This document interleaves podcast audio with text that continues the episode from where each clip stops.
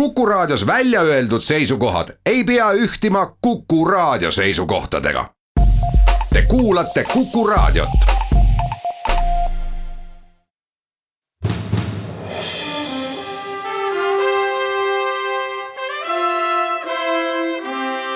vahetund Postimehega tervist, algab Vahetund Postimehega, mina olen Peeter Helme ja minuga koos on siin stuudios Postimehe välistoimetuse juhataja Evelin Kaldoja, tere, tere. Evelin.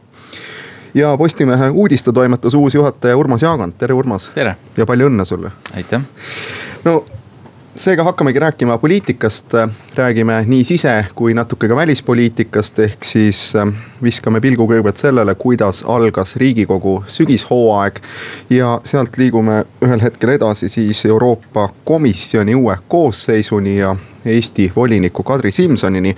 aga mõtlesin, et enne kui nende tõsiste ja raskete teemade juurde pöördume, siis äh, teeks natuke reklaami, ehk siis äh, nimelt on alanud registreerimine Postimehe ajakirjanduskooli. keda huvitab, siis äh, leiab selle üles ajakirjanduskool.postimees.ee. ja mõtlesin, et küsingi Evelin ja Urmas teilt kummaltki, et äh, meie kolm siin kõik äh, oleme ju inimesed, kes me ei ole ajakirjandust õppinud. Evelin, sina õppisid politoloogiat ja Urmas, sina üldse Eesti filoloogiat, mina siis ajalugu et ma küsin teilt, et mis te arvate, noh, see kool on ju meil mõeldud tegelikult inimestele, kellel juba on mingisugune elutee selja taga, et. kellele see võiks huvitav olla, et kuidas, kes on need inimesed, kes võiksid sel-, sellisesse kooli minna ja sinna ennast registreerida? esiteks muidugi inimene, kes võib-olla mõtlebki, et kas ta tahab püsivalt ajakirjandusse tulla üle või siis näiteks äh, saada nii-öelda arvamusliidriks või arvajaks, kes võib-olla seletab seda valdkonda, mida ta juba hästi tunneb. Äh, ka arvamuste tasemel või ajakirjandusliku teksti tasemel teistele inimestele, et tegelikult see on päris oluline oskus ja meil on. ma arvan, et meil ei ole kunagi liiga palju kirjutajaid, kes oleksid juba eelneva mingi valdkonna spetsiifilise teadmisega. ja mulle tundub, et ega ju inimestel, ütleme ajakirjandus, noh, see võib tunduda, et kuna see on nagu nii selles mõttes nii avalik, et ilmuvad ajalehed ja portaalid, et kõik on justkui selge, kuidas seda tehakse, kuidas see tegelikult käib, et. et tegelikult äh, mulle tundub, et see päris nii ikkagi ei ole, et, äh, et see tuleks kindlasti kasuks, kui inimesed saaksid aru, kuidas see kuidas see süsteem nagu töötab, äh, kuidas, millistel põhimõtetel nagu ajakirjandus töötab ja ütleme, inimene, kellel on mingi sügavam teadmine mingist konkreetsest valdkonnast, siis ütleme, ja kui tal on soov seda kuidagi edasi anda siis teistele nagu lugejatele, siis ajakirjandus sinna juurde võiks anda sellise päris hea komplekti, et inimene oma professioon, prof-, varasema professiooni valdkonnast oskaks Äh, kirjutada huvitavaid lugusid, et äh, see tuleb alati kasuks, kui üks valdkond on väga tugev. pluss teine asi on see, et äh, lihtsalt suhtluses ajakirjandusega, need on oskused, mis on, mida kõrgemal sa oled või kui sa oled kas tõesti juba kommunikatsioonijuht või kommunikatsiooniekspert, aga ka kui sa oled näiteks ettevõtte juht lausa või inimene, kellel tuleb kokkupuuteid ajakirjandusega tõenäoliselt ette. see on hästi kasulik, kui sa tunned, kuidas ajakirjandus töötab. et neid stammarusaamasid sellest, mis me oleme ja kes me oleme.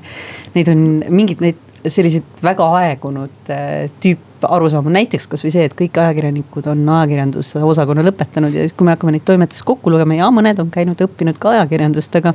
paljud on nagu meie siin, et äh, paljud väga tuntud ajakirjanikud on äh, hoopis mingi muu erialaga, et selliste müütide purustamiseks ka samuti kasulik teada täpselt nii, ei oskagi siia muud lisada, kui et kellel nüüd tekkis selle jutu peale huvi, siis veel kord kodulehelt ajakirjanduskool.postimees.ee leiate nii kursuse kava kui siis äh, info registreerimise kohta. vaadake, uurige, registreerige.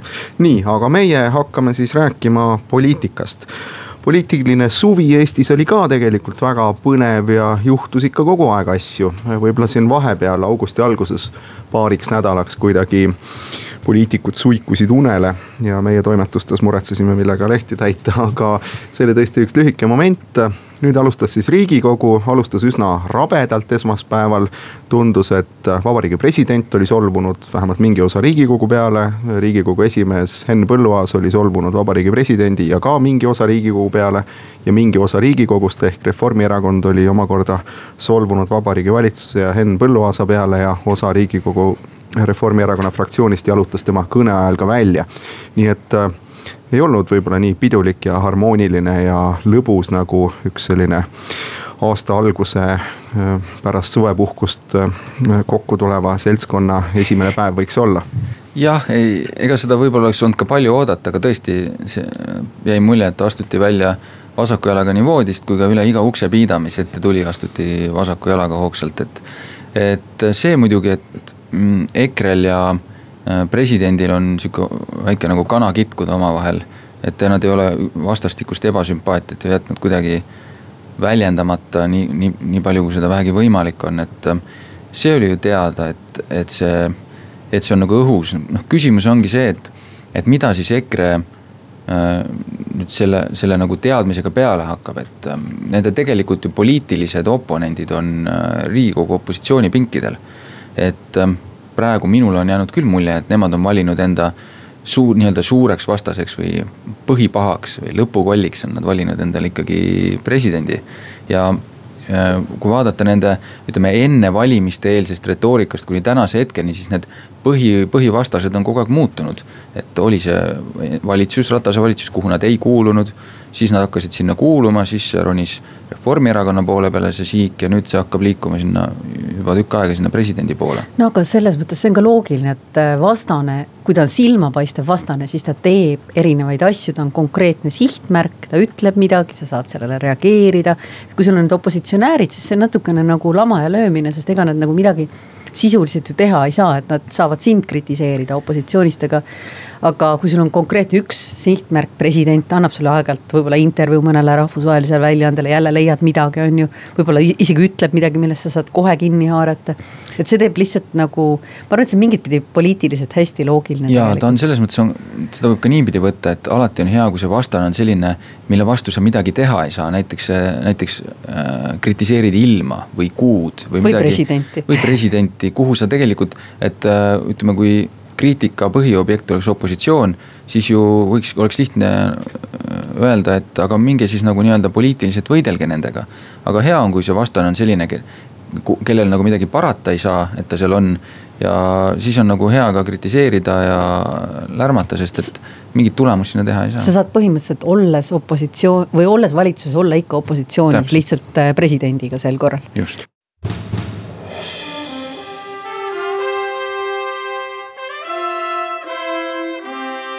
vahetund Postimehega.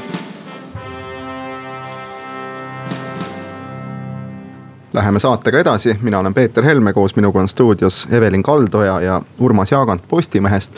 ja saate alustuseks rääkisime siis esmaspäevasest päevast, sellest, kuidas riigikogu alustas ja nentisime, et algas kohe sellise poliitilise piikide murdmisega aga mitte kõik ei ole ju halvasti, selles mõttes võib ju öelda, et valitsus sai kohe ühe sellise üsna toreda linnukese kirja.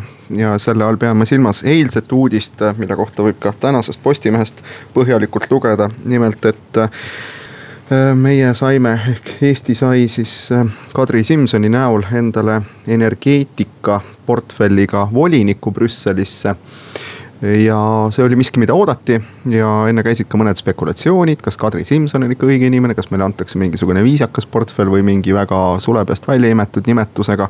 aga tundub, et kõik on vähemalt seni näinud, läinud ikkagi lepase reega, vist ka koalitsioonis suuri arutelusid see ei põhjustanud või oli algusest peale selge, et see asi läheb nüüd Keskerakonnale ja et äh, kõik on vist hästi.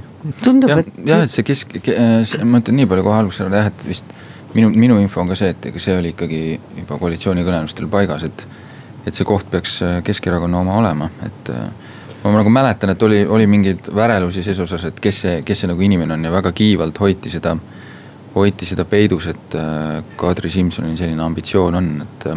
aga sealt edasi on, on tõesti läinud kõik suhteliselt sujuvalt, et siin mingisuguseid võbelusi on olnud, aga sellistes protsessides, kus on nii palju erinevaid mäng, nagu mäng, mänguelemente, mis seda asja võivad mõjutada, ikka mingid asjad on, mis võivad vahepeal nagu justkui on oht, aga siis see jälle likvideerub ja asendub millegi uuega, aga lõpuks loksub kõik nagu paika.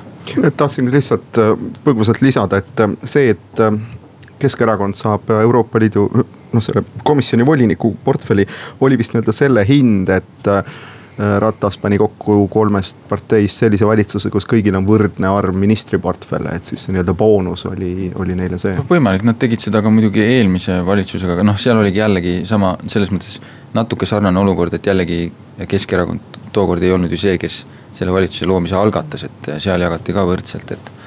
et nüüd on seda kaks korda järjest tehtud, et võimalik, et seal on mingi seos, aga aga noh, sellest hetkest me oleme nüüd juba kaugelt üle. no see aitab, see on ju ka üks valemeid, mis hoiab äh, valitsused hästi koos, kui sa annad nii-öelda nõrgematele partneritele, kellele tehakse võib-olla ka teisi kosjapakkumisi. kui sa annad neile natuke rohkem portfelle, kui nad on äh, iseenesest saadikukohtadega riigikogus väärt, siis see hoiab neid äh, kõrgelt motiveerituna ja aitab ka sul olla peaministripartei kauem no nii, aga see valitsuslaadne moodustis, mida eile tutvustas Ursula von der Leyen, on selline, kus kõigil on võrdne arv portfelle, kui vähemalt vaadata riikide lõikes. ja välja arvatud brittidel, kes oma portfelli jätsid äh, ripakile, aga erinevalt Eestist ja Rumeeniast on nad ilusasti esindatud praegu Euroopa Komisjonis, kuhu siis meie erinevate Brüsseli ja Strasbourgi poliitmängude tagajärjel lõpuks ei saagi inimest alates juulist aga mis pilt meile siis avaneb, vaatasin eile ise ka Ursula von der Leyeni kõnet, pean tunnistama, et see oli selline klassikaline noh hea küll, ta on küll poliitik, aga noh, eks ta ikka selline ametniku kõne natuke oli, et mis võib-olla on ka hea, ta ei hakanud seal nii palju suuri sõnu tegema, vaid katsus olla asjalik ja võtta siis kõik need inimesed läbi, kes tema komisjoni kuuluma hakkavad Eestini jõudis ta oma kahekümne kahe minutise kõne kaheksateistkümnendal minutil, mainides äh, Eesti portfelli niimoodi poole lausega või ühe lausega. mis tegelikult muidugi laseb arvata seda, et nii uhkelt ja konkreetselt ja jõuliselt nagu energeetika kõlab, siis äh, ikkagi tundub, et Eestis sees on see teema ilmselgelt äh, ületähtsustatum kui Euroopas või siis teistpidi energeetika on Euroopas sedavõrd tähtis, et ta jaguneb mitme portfelli vahel ja Kadri Simsoni portfell ei pruugi üldse mitte kõige tähtsam neist. no Peeter, kas sa tahtnuks siis, et meil olnuks volinik võrdõiguslikkuse või noorte ja innovatsiooni teemal? Või ei, siis ookeanid no,. ma pigem ikkagi hõõruksin igal, igale eestlasele nina alla seda, et äh, meie palavalt armastatud lõunanaabrid said Valdis Dombrovskise näol lausa endale komisjoni asejuhi portfelli, et. Äh, muidugi Dombrovskise puhul on see, et minu meelest on tõeline poliitiline geenius, esiteks see, kuidas ta Lätis, mis teatavasti enne tema peaministriks saamist vahetas peaministreid rohkem kui võib-olla paljud inimesed sokke ta suutis seal võimul püsida, ta suutis seal kärped ära teha, kui ta läks Euroopa Komisjoni, siis tema partei käis Lätis väga tugevalt alla, kukkus alla valimiskünnise. Nad suutsid selle partei üle valimiskünnise saada ja siis parlamendi väiksema parteina veel saada nagu peaministriparteiks, vot see on poliitiline meistriklass. no see on Läti poliitika muidugi. et, et aga noh, et ütleme, ma arvan, et Valdis Dombrovskise isikut selle juures ei maksa alahinnata. ja samamoodi Euroopa Komisjonis, et ta oli juba asepresident ja teist korda tuleb uuesti komisjoni sisse.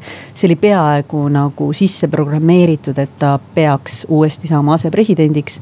nüüd ta sai siis ka pisut ametikõrgendust, sest et äh, Ursula von der Leyenil on neid nii-öelda esimesi asepresidente rohkem kui tema eelkäijal Jean-Claude Junckeril, kolm tükki et see, see tundus kuidagi täitsa loogiline ja Dombrovskis on ka vist tegelikult väga võimekas juht, et äh, igatepidi. meie üks äh, asju, mis meie kahjuks räägib, on see, et me ei saatnud endist peaministrit, keda on seekordses komisjonis õnneks üldse vähe no, mis tähendab? peab, noh ma saan aru, ei pea olema, eks, aga ei sa pea, pead vist silmas aga... seda, et ei teeks paha, kui oleks suurem äh, selline Brüsseli ja Strasbourgi kogemus. ja, ja ei, kui oleks ja oleks kõrgemad, eriti Brüsseli, Strasbourgi see, et komisjon peab tihti rinda pistma ka liidu nõukoguga ja kui Jean-Claude Juncker, kes oli terve igaviku Luksemburgi peaminister enne seda, siis ta teadis täpselt, kuidas seal asju aetakse paremini kui enamik neid tüüpe, kes tulid liidunõukokku, kus peaministrid ja presidendid kogunevad. ja ta oskas neil, oskas nendega mängida, et või nendega siis sai aru, mis on need reeglid, tundis neid paremini. ja samamoodi on see Euroopa Komisjoni sees, et ikkagi, kui sa oled olnud kõvem kala kodumaal saad sa ka seal Brüsselis olema kõvem kala ja ülejäänud peavad ennast siis tõestama, et sul on portfell käes sa võid olla väga kõva, väga nõrk, ametnikud sinu all puhverdavad kindlasti palju. mulle veidi tundub ka, et tegelikult Kadri Simsoni puhul on ju ka see noh, hea külg, et meil oli, jäi see eesistumine ka üsna nagu nüüd noh, hiljutisse aega, et. et äh, võib-olla see kogemus on kindlasti tuleb ka nagu kasuks, et, äh, et see võib-olla ei olegi nii suur puudus, et ta ei ole nagu peaminister olnud ja nendel ülemkogudel istunud, et see kogemust võib-olla kõvasti sealt äh, nõukogu juhtides, oma asju juhtides ka saanud ja. ja mulle näib, et võib-olla see mängiski isegi laiemat rolli seal, et kui, kui me täna selles ka kirjutasime, et mis on, mis on äh, Simsoni töölaual, et äh, seal on ka asju, mille nii-öelda ettevalmistamisel on ta ise osalenud eesistumise ajal, et. et selles mõttes mõneti ju täitsa nagu loogiline, et ta ise valmistas need asjad ette, sai sealt heakskiidud ja nüüd nüüd ta hakkab ise neid ka nii-öelda rakendama ja ellu viima, et selles mõttes tal on suurepärane nagu võimalus teha neid äh, asju nagu ise ka päriselt ellu viia, et, et sa ei pea oma neid ilusasti valmis hoolitud nii-öelda kujukesi andma kellegi teise kätte mängida. ja Keskerakond sai ju võimule suhteliselt vahetult enne eesistumist, mingit pidi noppisid nad tol hetkel ka reformierakondlaste töövilju. aga see, et nad olid tollal võimul ja on nüüd ka võimul, et et, see andis tollel hetkel ametis olnud ministritele kindlasti kõva sihukese läbielamiskursuse või ellujäämiskursuse Euroopa Liidu alal, et kuidas neid asju käi-, ikkagi tegelikult aetakse ja mis Brüsselis toimub, et see on meie ametnikkonnale ilmselt mõneks ajaks kasulik kogemus, seni kuni nad vaikselt ära vajuvad ja oleks vaja järgmist eesistumist, et jälle neid teadmisi omandada aga Kadri Simson peab hakkama tegelema ka küsimustega, mis ei pruugi meie valitsusele võib-olla sellisel moel päris meele järele olla. et nimelt äh, Urmas, sa ise kirjutad siin koos kolleegide Anna Põllu ja Ege Tammega sellest, et muuhulgas kliimaneutraalsuse programm on ju Ursula von der Leyeni jaoks väga oluline. ja samal ajal praegune Eesti valitsus nüüd sellest sellisel kujul ja sellise tempoga vist suures vaimustuses ei ole jah, see on tõsi ja selles osas on ka nüüd enne volinikuks saamist on minu mälu järgi Kadri Simson hoidnud väga madalat joont, et seda mitte väga kommenteerida, seda vali-, valitsuse nii-öelda otsust. aga see on tõsi jah, et ega ju noh, ametlikult ju ei esinda ta, Kadri Simson siis ju Eestit, eks, et ta nagu terve Euroopa eest, aga noh, me tegelikult ikkagi teame, et. et rahvust ikkagi ei muuda ju ükskõik, mis ametipositsioon sul on. et siin kindlasti sihuke väike selline hõõrumine, võib-olla see isegi ei ole nii väike nagu sisse tuleb, aga me lõpuni ei tea ka seda, kui palju von der Leyenil ikkagi õnnestub seda oma äh, suurt nagu ambitsiooni ja visiooni ellu viia, et mi, mis ma, mahus sellest üldse nagu järgi jääb, kui hakatakse seda nagu rakendama. mida ma ütlesin ka enne hommikuprogrammile siinsamas raadiojaamal äh, eestlased on ka paljudes asjades märksa ausamad kui paljud teised Euroopa rahvad, ehk siis need, kes võib-olla kõik, kes ütlesid, mäletatavasti juunikuisel ülemkogul tuli see teema jutuks. ja teatud juba olemasolevate kliimaeesmärkide täitmisel on Eesti nende nelja-viie riigi seas, kes suudab neid täita ja kes täidab ausalt, mida ta on lubanud ja siis Eesti jäi nagu maha nende seas, kes lubadusi annavad, aga jah, see suutlikkus lubadust täita ja lubadust anda on erinev, et me lihtsalt ei ole ka mõnikord nii valelikud kui mõned teised noh, natuke tuleb endale ikka õlale patsutada, aga meie kuulame nüüd reklaami ja uudiseid.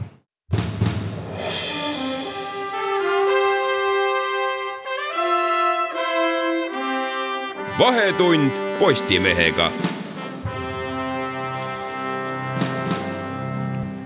jätkub Vahetund Postimehega.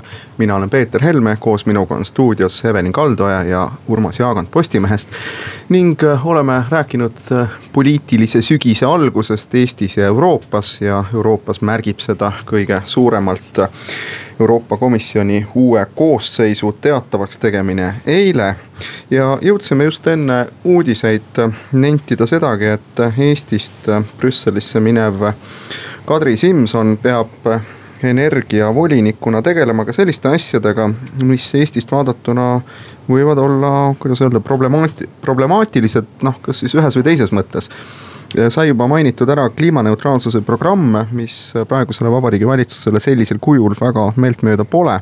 aga teine keeruline nähtus, kus ilmselt just Eestist vaadatuna ootused võivad olla Kadri Simsonile suuremad kui tema volitused ja võime midagi ära teha, on ju Nord Stream kaks.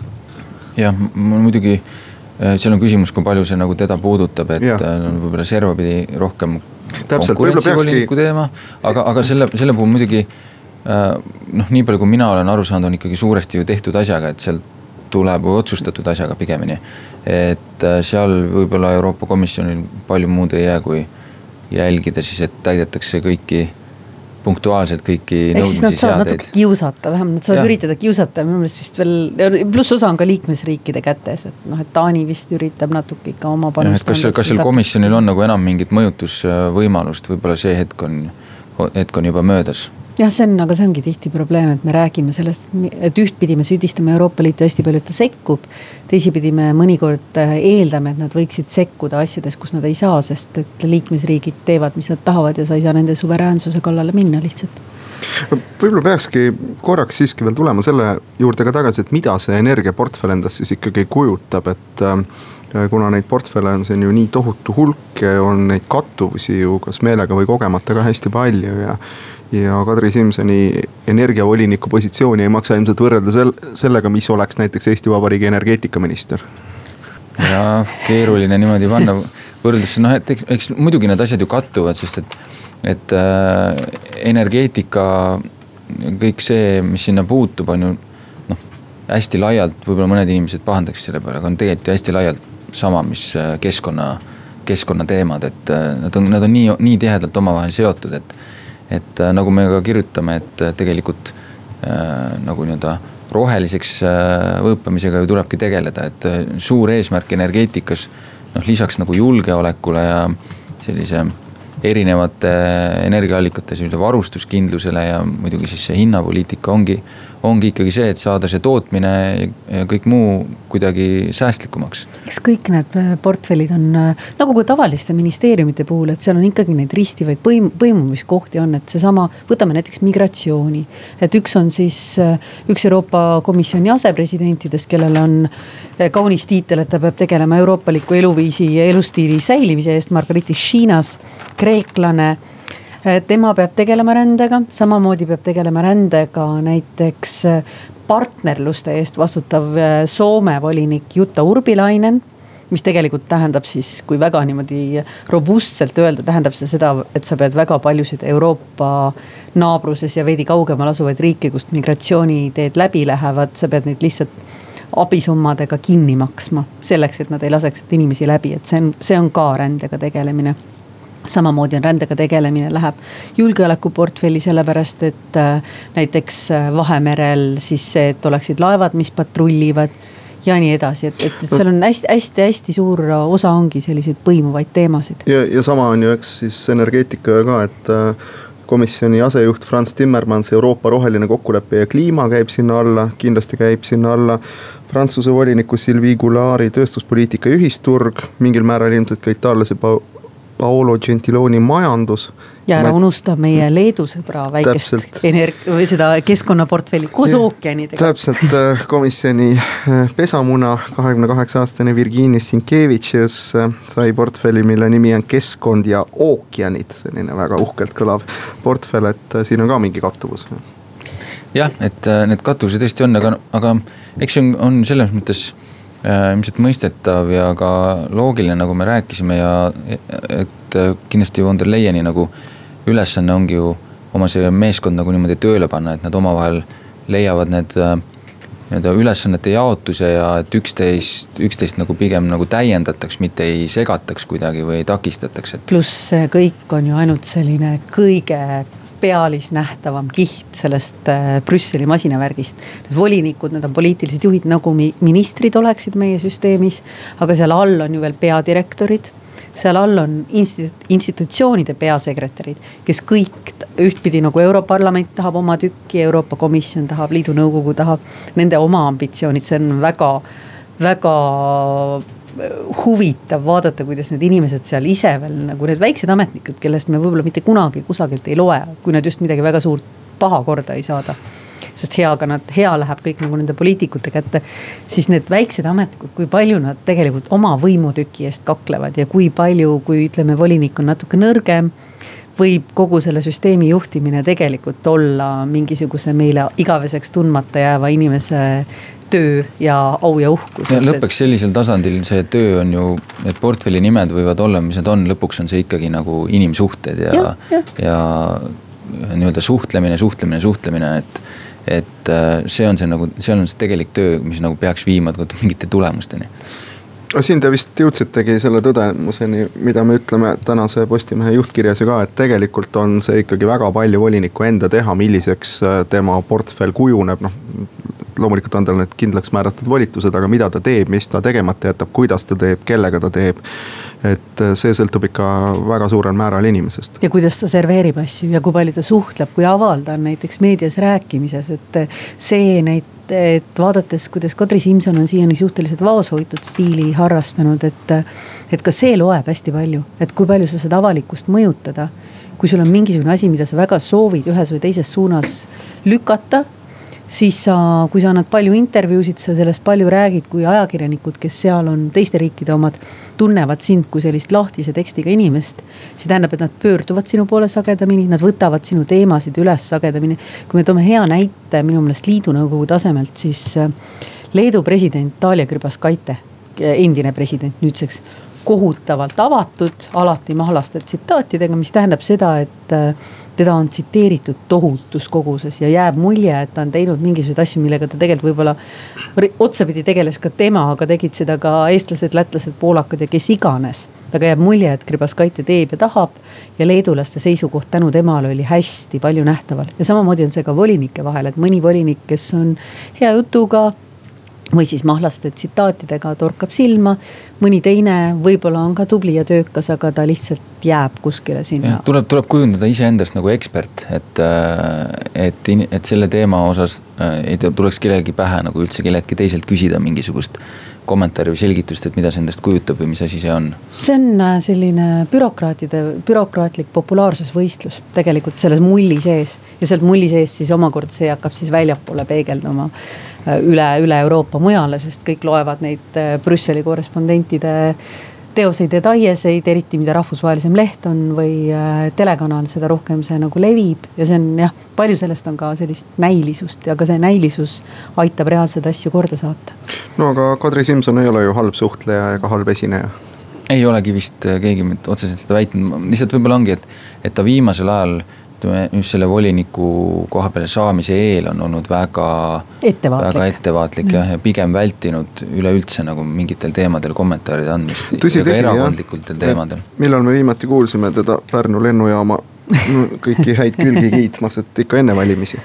ei noh, eks, eks see on ka muidugi mõistlik, et äh, mis on, mida, argument, mida ta ise hästi palju on kasutanud, tal pole ju veel see portfell käes. ja seda portfelli pole tal käes ka veel praegu, sest tal on käes ainult nii-öelda nominatsioon ja see tähendab, et Eesti igal juhul on ilmselt seotud järgmiseks viieks aastaks energiavoliniku kohaga. aga mis edasi saab, siis nüüd on tal tohutu eksamiks õppimine, ta peab tohutu koguse materjale, ma arvan, et kui me ülikooli ajal mõtleme kõige raskemaid eksameid, siis see on üle nende kõige raskemate eksamite, mis ta peab omandama. Jah, sest teda ootab ju veel ees kuulamine Europarlamendis ja nagu sa, Evelin, tänases lehes ka kirjutad, et ikka on juhtunud seda, et üks või teine volinikukandidaat seal läbi ei lähe, aga me kuulame nüüd veel pisut reklaami.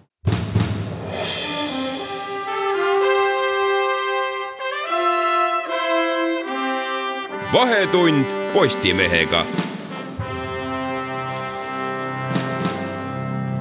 Jätkub Vahetund Postimehega, mina olen Peeter Helme, minu vestluskaaslasteks Evelin Kaldoja ja Urmas Jaagant Postimehest. ning äh, oleme rääkinud Eesti ja Euroopa poliitilise sügise algusest ja peamiselt keskendunud äh, Euroopa Komisjoni uuele koosseisule. Ja tõdesime just enne reklaamipausi, et äh, uus koosseis küll, aga siin võib veel muutusi tulla, sellepärast et vaatamata sellele, et Ursula von der Leyen eile seda koosseisu uhkelt esitles, peab see koosseis läbima ka kuulamise Europarlamendis ja on üsna selge, et äh, seal esitatakse ka väga kiuslikke küsimusi ja siinkohal äh, muidugi Kadri Simson, äh, kelle puhul äh, täna Eesti Päevaleht toob välja selle, et Kadri Simson on olnud ebasiiras. asi puudutab siis mingeid arveid, mingeid puhkusereise. ühesõnaga üks selline segane lugu, mis kuidagi liiga palju tuult tiibadesse Eesti ajakirjanduses ei saanud, aga olemas ta on ja vist, Evelin, sa ise ütlesid, oleks üllatav, kui keegi seda parlamendis välja ei tooks? no seal võetakse ikkagi lisaks siis teemavaldkonna testimisele võetakse ka nende volinike isiklik elu, eriti muidugi professionaalne ja siis äri, võimalikud näiteks ärihuvid ja huvide konfliktid. see võetakse üksipulgi lahti tavaliselt, et äh, nendest taustauuringutest võib, mõnikord on ka inimeste nagu äh, itaallase Rocco Buttiglione näide näitas, siis võib ka inimeste isiklikud tõekspidamised tulla küsimuse alla ja need võivad neile koha maksma minna, kui tähtede seis on halb. mis ongi mõneti mulle tundub, et äh, lihtsalt tähtede seisu küsimus, et, et kas mingisugused parteigrupid, kes on siis vastupidiselt sellele parteigrupile, kes esinda-, keda see volinik esindab, saavad omavahel jõud ühendatud ja võivad lihtsalt kasvõi Europarlamendi jõu näitamise nimel läbi kukutada inimese. jah, see, see on nagu keeruline, et jah on elu näidanud tõesti, et nagu Evelin kirjutas, et mõni ikka läbi kukub, et, et mulle tundub, et see võib-olla veidi ongi äh, Äh, see, mis sa just viimati mainisid, et natuke näidata, et, et halloo parla-, et me oleme parlament, me oleme kõike siin kohal, et. et äh, mis, millest oleks muidugi nagu kahju, et, et kui noh, lihtsalt puhtalt sellepärast keegi kukub läbi, et parlament peab kellegi peal nagu oma hambad ära nagu, oma hammustuse ära tegema, et. et äh, noh, see tundub ju tegelikult totter, et ega need inimesed Eh, me teame, et see on nagu suur nagu pusle kokkuladumine, kes kuhu ja kuidas ja mis positsioonid ja mängud, aga. Need inimesed on ikkagi nagu sinna kuidagi nagu valitud ja otsustatud, et need need sinna sobiksid ja. no parlament ei taha olla kummitemp no., ta tahab näidata, et see on, see mõnikord ongi see, et nagu inimesed kütavad üksteist üksteist üles ja siis saab kuidagi see lumepall hakkab veerema ja see samamoodi, mis meediasse kuidagi jõuab. Mõne puhul ütleme Eest, Eesti voliniku eelis on see, et eesti keel ei ole väga levinud keel. Ehk siis äh, see, et info Eestist jõuaks nagu Brüsselisse või Strasbourgi, see eeldab, et äh, kõige lihtsam on see suuremas riigis et, et keegi läbi kukuks, kukub suurema tõenäosusega suuremast riigist sellepärast, et see keel on suurem, selle valdajaid on rohkem. samuti on neil suurem esindus Euroopa Parlamendis, kes omakorda kuuluvad suurematesse fraktsioonidesse nagu sotsid või Euroopa Rahvapartei ja siis nad eh, saavad enda taha lihtsalt suurema jõu kütta. aga ma ei tea, Evelin, kui kuulata praegu Reformierakonna ja sotsiaaldemokraatide jutte, siis eh, tundub küll, et Eestis mitte ainult ei ole kõik kohutavalt halvasti, vaid ka iga viimane kui inimene maailmas on sellest teadlik ja esitab kogu aeg igale eestlasele kuskil välismaal küsimusi, miks meil natsid võimul on. kusjuures see on eh, huvitav, sest kui me vaatame, mis paljudes teistes Euroopa riikides, ma olen ka neid küsimusi, ma olen tegelikult neid küsimusi kuulnud Brüsseli pressisaalis teistelt kolleegidelt, aga. aga võib-olla on ka see, et me oleme, eestlased on nii varmad teada andma, kui meil midagi häirivat toimub. ja siis, siis seetõttu see on, see on natukene lumepallina läinud, et ma ei ütle midagi paha nende kohta, kes ütlevad, et kes, kes siis teavitavad rahvusvaheliselt, et neile ei meeldi need asjad, mis Eestis toimuvad, aga. aga teisipidi, ega nüüd ma arvan, et Eesti ei ole antud hetkel kõige problemaatilisem, Kadri Simson ei ole ilmselt kõige ohustatum volinikukandidaat ka. vaid need on siis nii-öelda püsivad Euroopa patukotid Ungari ja Poola, kelle puhul võivad tahta vasakpoolsemad jõud näidata näidata siis kohta kellelegi kätte, et äh, poolakas, poolakas on nüüd siis Euroopa konservatiivide ja reformistide suhteliselt väiksest äh, parempoolsest, siiski pigem paremtsentristlikust fraktsioonist, mis nõrgeneb peagi brittide võrra. Äh, nende valitsuse esindajad, poolakas võib olla ohus, sest tema vastu on ka Euroopa Rahvapartei, sest et Poolas on opositsioonis siis äh, põhilise Euroopa Parlamendi suurima fraktsiooni esindajad on nende põhiline nagu vali, äh, opositsioonijõud ja ungarlane muidugi. ja ma arvan, et äh, võib-olla siin on ka osa põhjustest, miks Kadri Simson on on äh, hoidnud väga madalat profiili, et äh, juhul, kui sinnamaani asi jõuab, ehk siis kuulamisteni. Et siis oleks võimalikult vähe nii-öelda värskeid äh, selliseid vastukäivaid seisukohti, mida saaks kasutada ja ma olen täitsa kindel, et. et Kadri Simsonil on Eestis piisavalt palju jutumärkides sõpru, kes on valmis oma vanu kontakte natukene Euroopas üles soojendama ja pisut materjali ette andma, mida võiks siis Kadri Simsonilt küsida, et seda on alati tehtud, et ega see seda noh op, opositsioonid nii-öelda ikka kasutavad ära neid võimalusi, et aga noh, kui palju tõesti Euroopas äh, äh, teised saadikud viitsivad ennast nagu sisse süüa teemadesse, mis siin Eestis võib-olla peaksid äh, Kadri Simsonile kuidagi ebamugavad olema, et kindlasti mõned leiab, aga ilmselt ei ole neid tõesti nii palju, kui, kui mõne teise puhul. Kadri Simsonit ilmselt aitab ka see, et äh, meie, nii meie põhiline valitsuspartei kui meie põhiline opositsioonipartei on mõlemad uueneva Euroopa ehk siis endise liberaalide fraktsioonis, ehk siis äh, ütleme, Yana Toom näeb, kui äh, ma ei tea, Urmas Paet Andrus Ansip, Andrus Ansip, kes tegelikult on olnud päris toetav Kadri Simsoni ametisse saamise aitamisel, et kui nemad hakkaksid mingit tohutut Kadri Simsoni vastast kampaaniat seal vedama, siis ilmselt, ilmselt seal tasakaalustataks, kuigi tundub, et ka nagu ei Paet ega Ansip ei ole sellised võib-olla välismaal kodumaises opositsioonis olemise eest kättemaksjad tüübid, et see, see aitab teda ka ilmselt natukene no eks siis ole näha, need kuulamised toimuvad ise kolmekümnendast septembrist kaheksanda oktoobrini, nii et natuke on veel aega.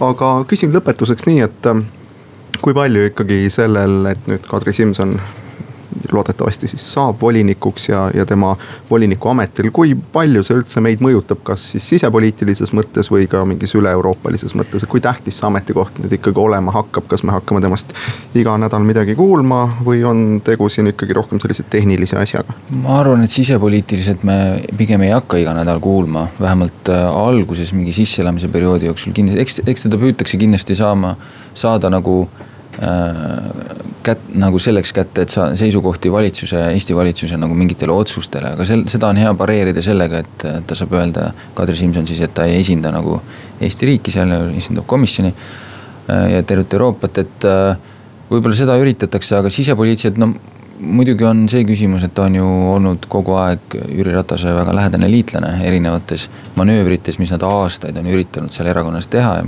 mis on ka nüüd lõpuks nagu nende poolt vaadates olnud edukad. et äh, nad on selline tugev tandem olnud, et äh, noh, seal on ka pisik, pisi-pisi ringis on veel paar inimest, aga. aga ütleme, üks tugev liitlane nagu on sellisest päris sellisest äh, sisepoliitilisest keskpunktist tõesti nagu eemal, et. et eks see kindlasti Jüri Ratasele selles mõttes väike kaotus on, et teda ei ole nii-öelda nõupidamisteks võib-olla alati arutamiseks kohe nagu olemas, et kusjuures see on, äh, ütleme Eestis antud juhul ei läinud äh, number üks.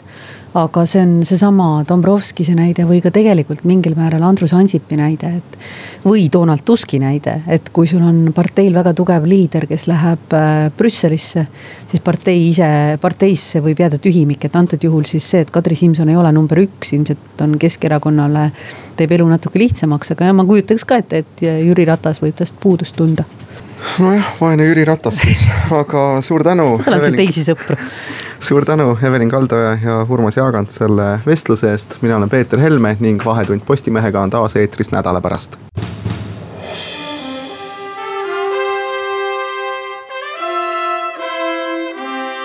vahetund Postimehega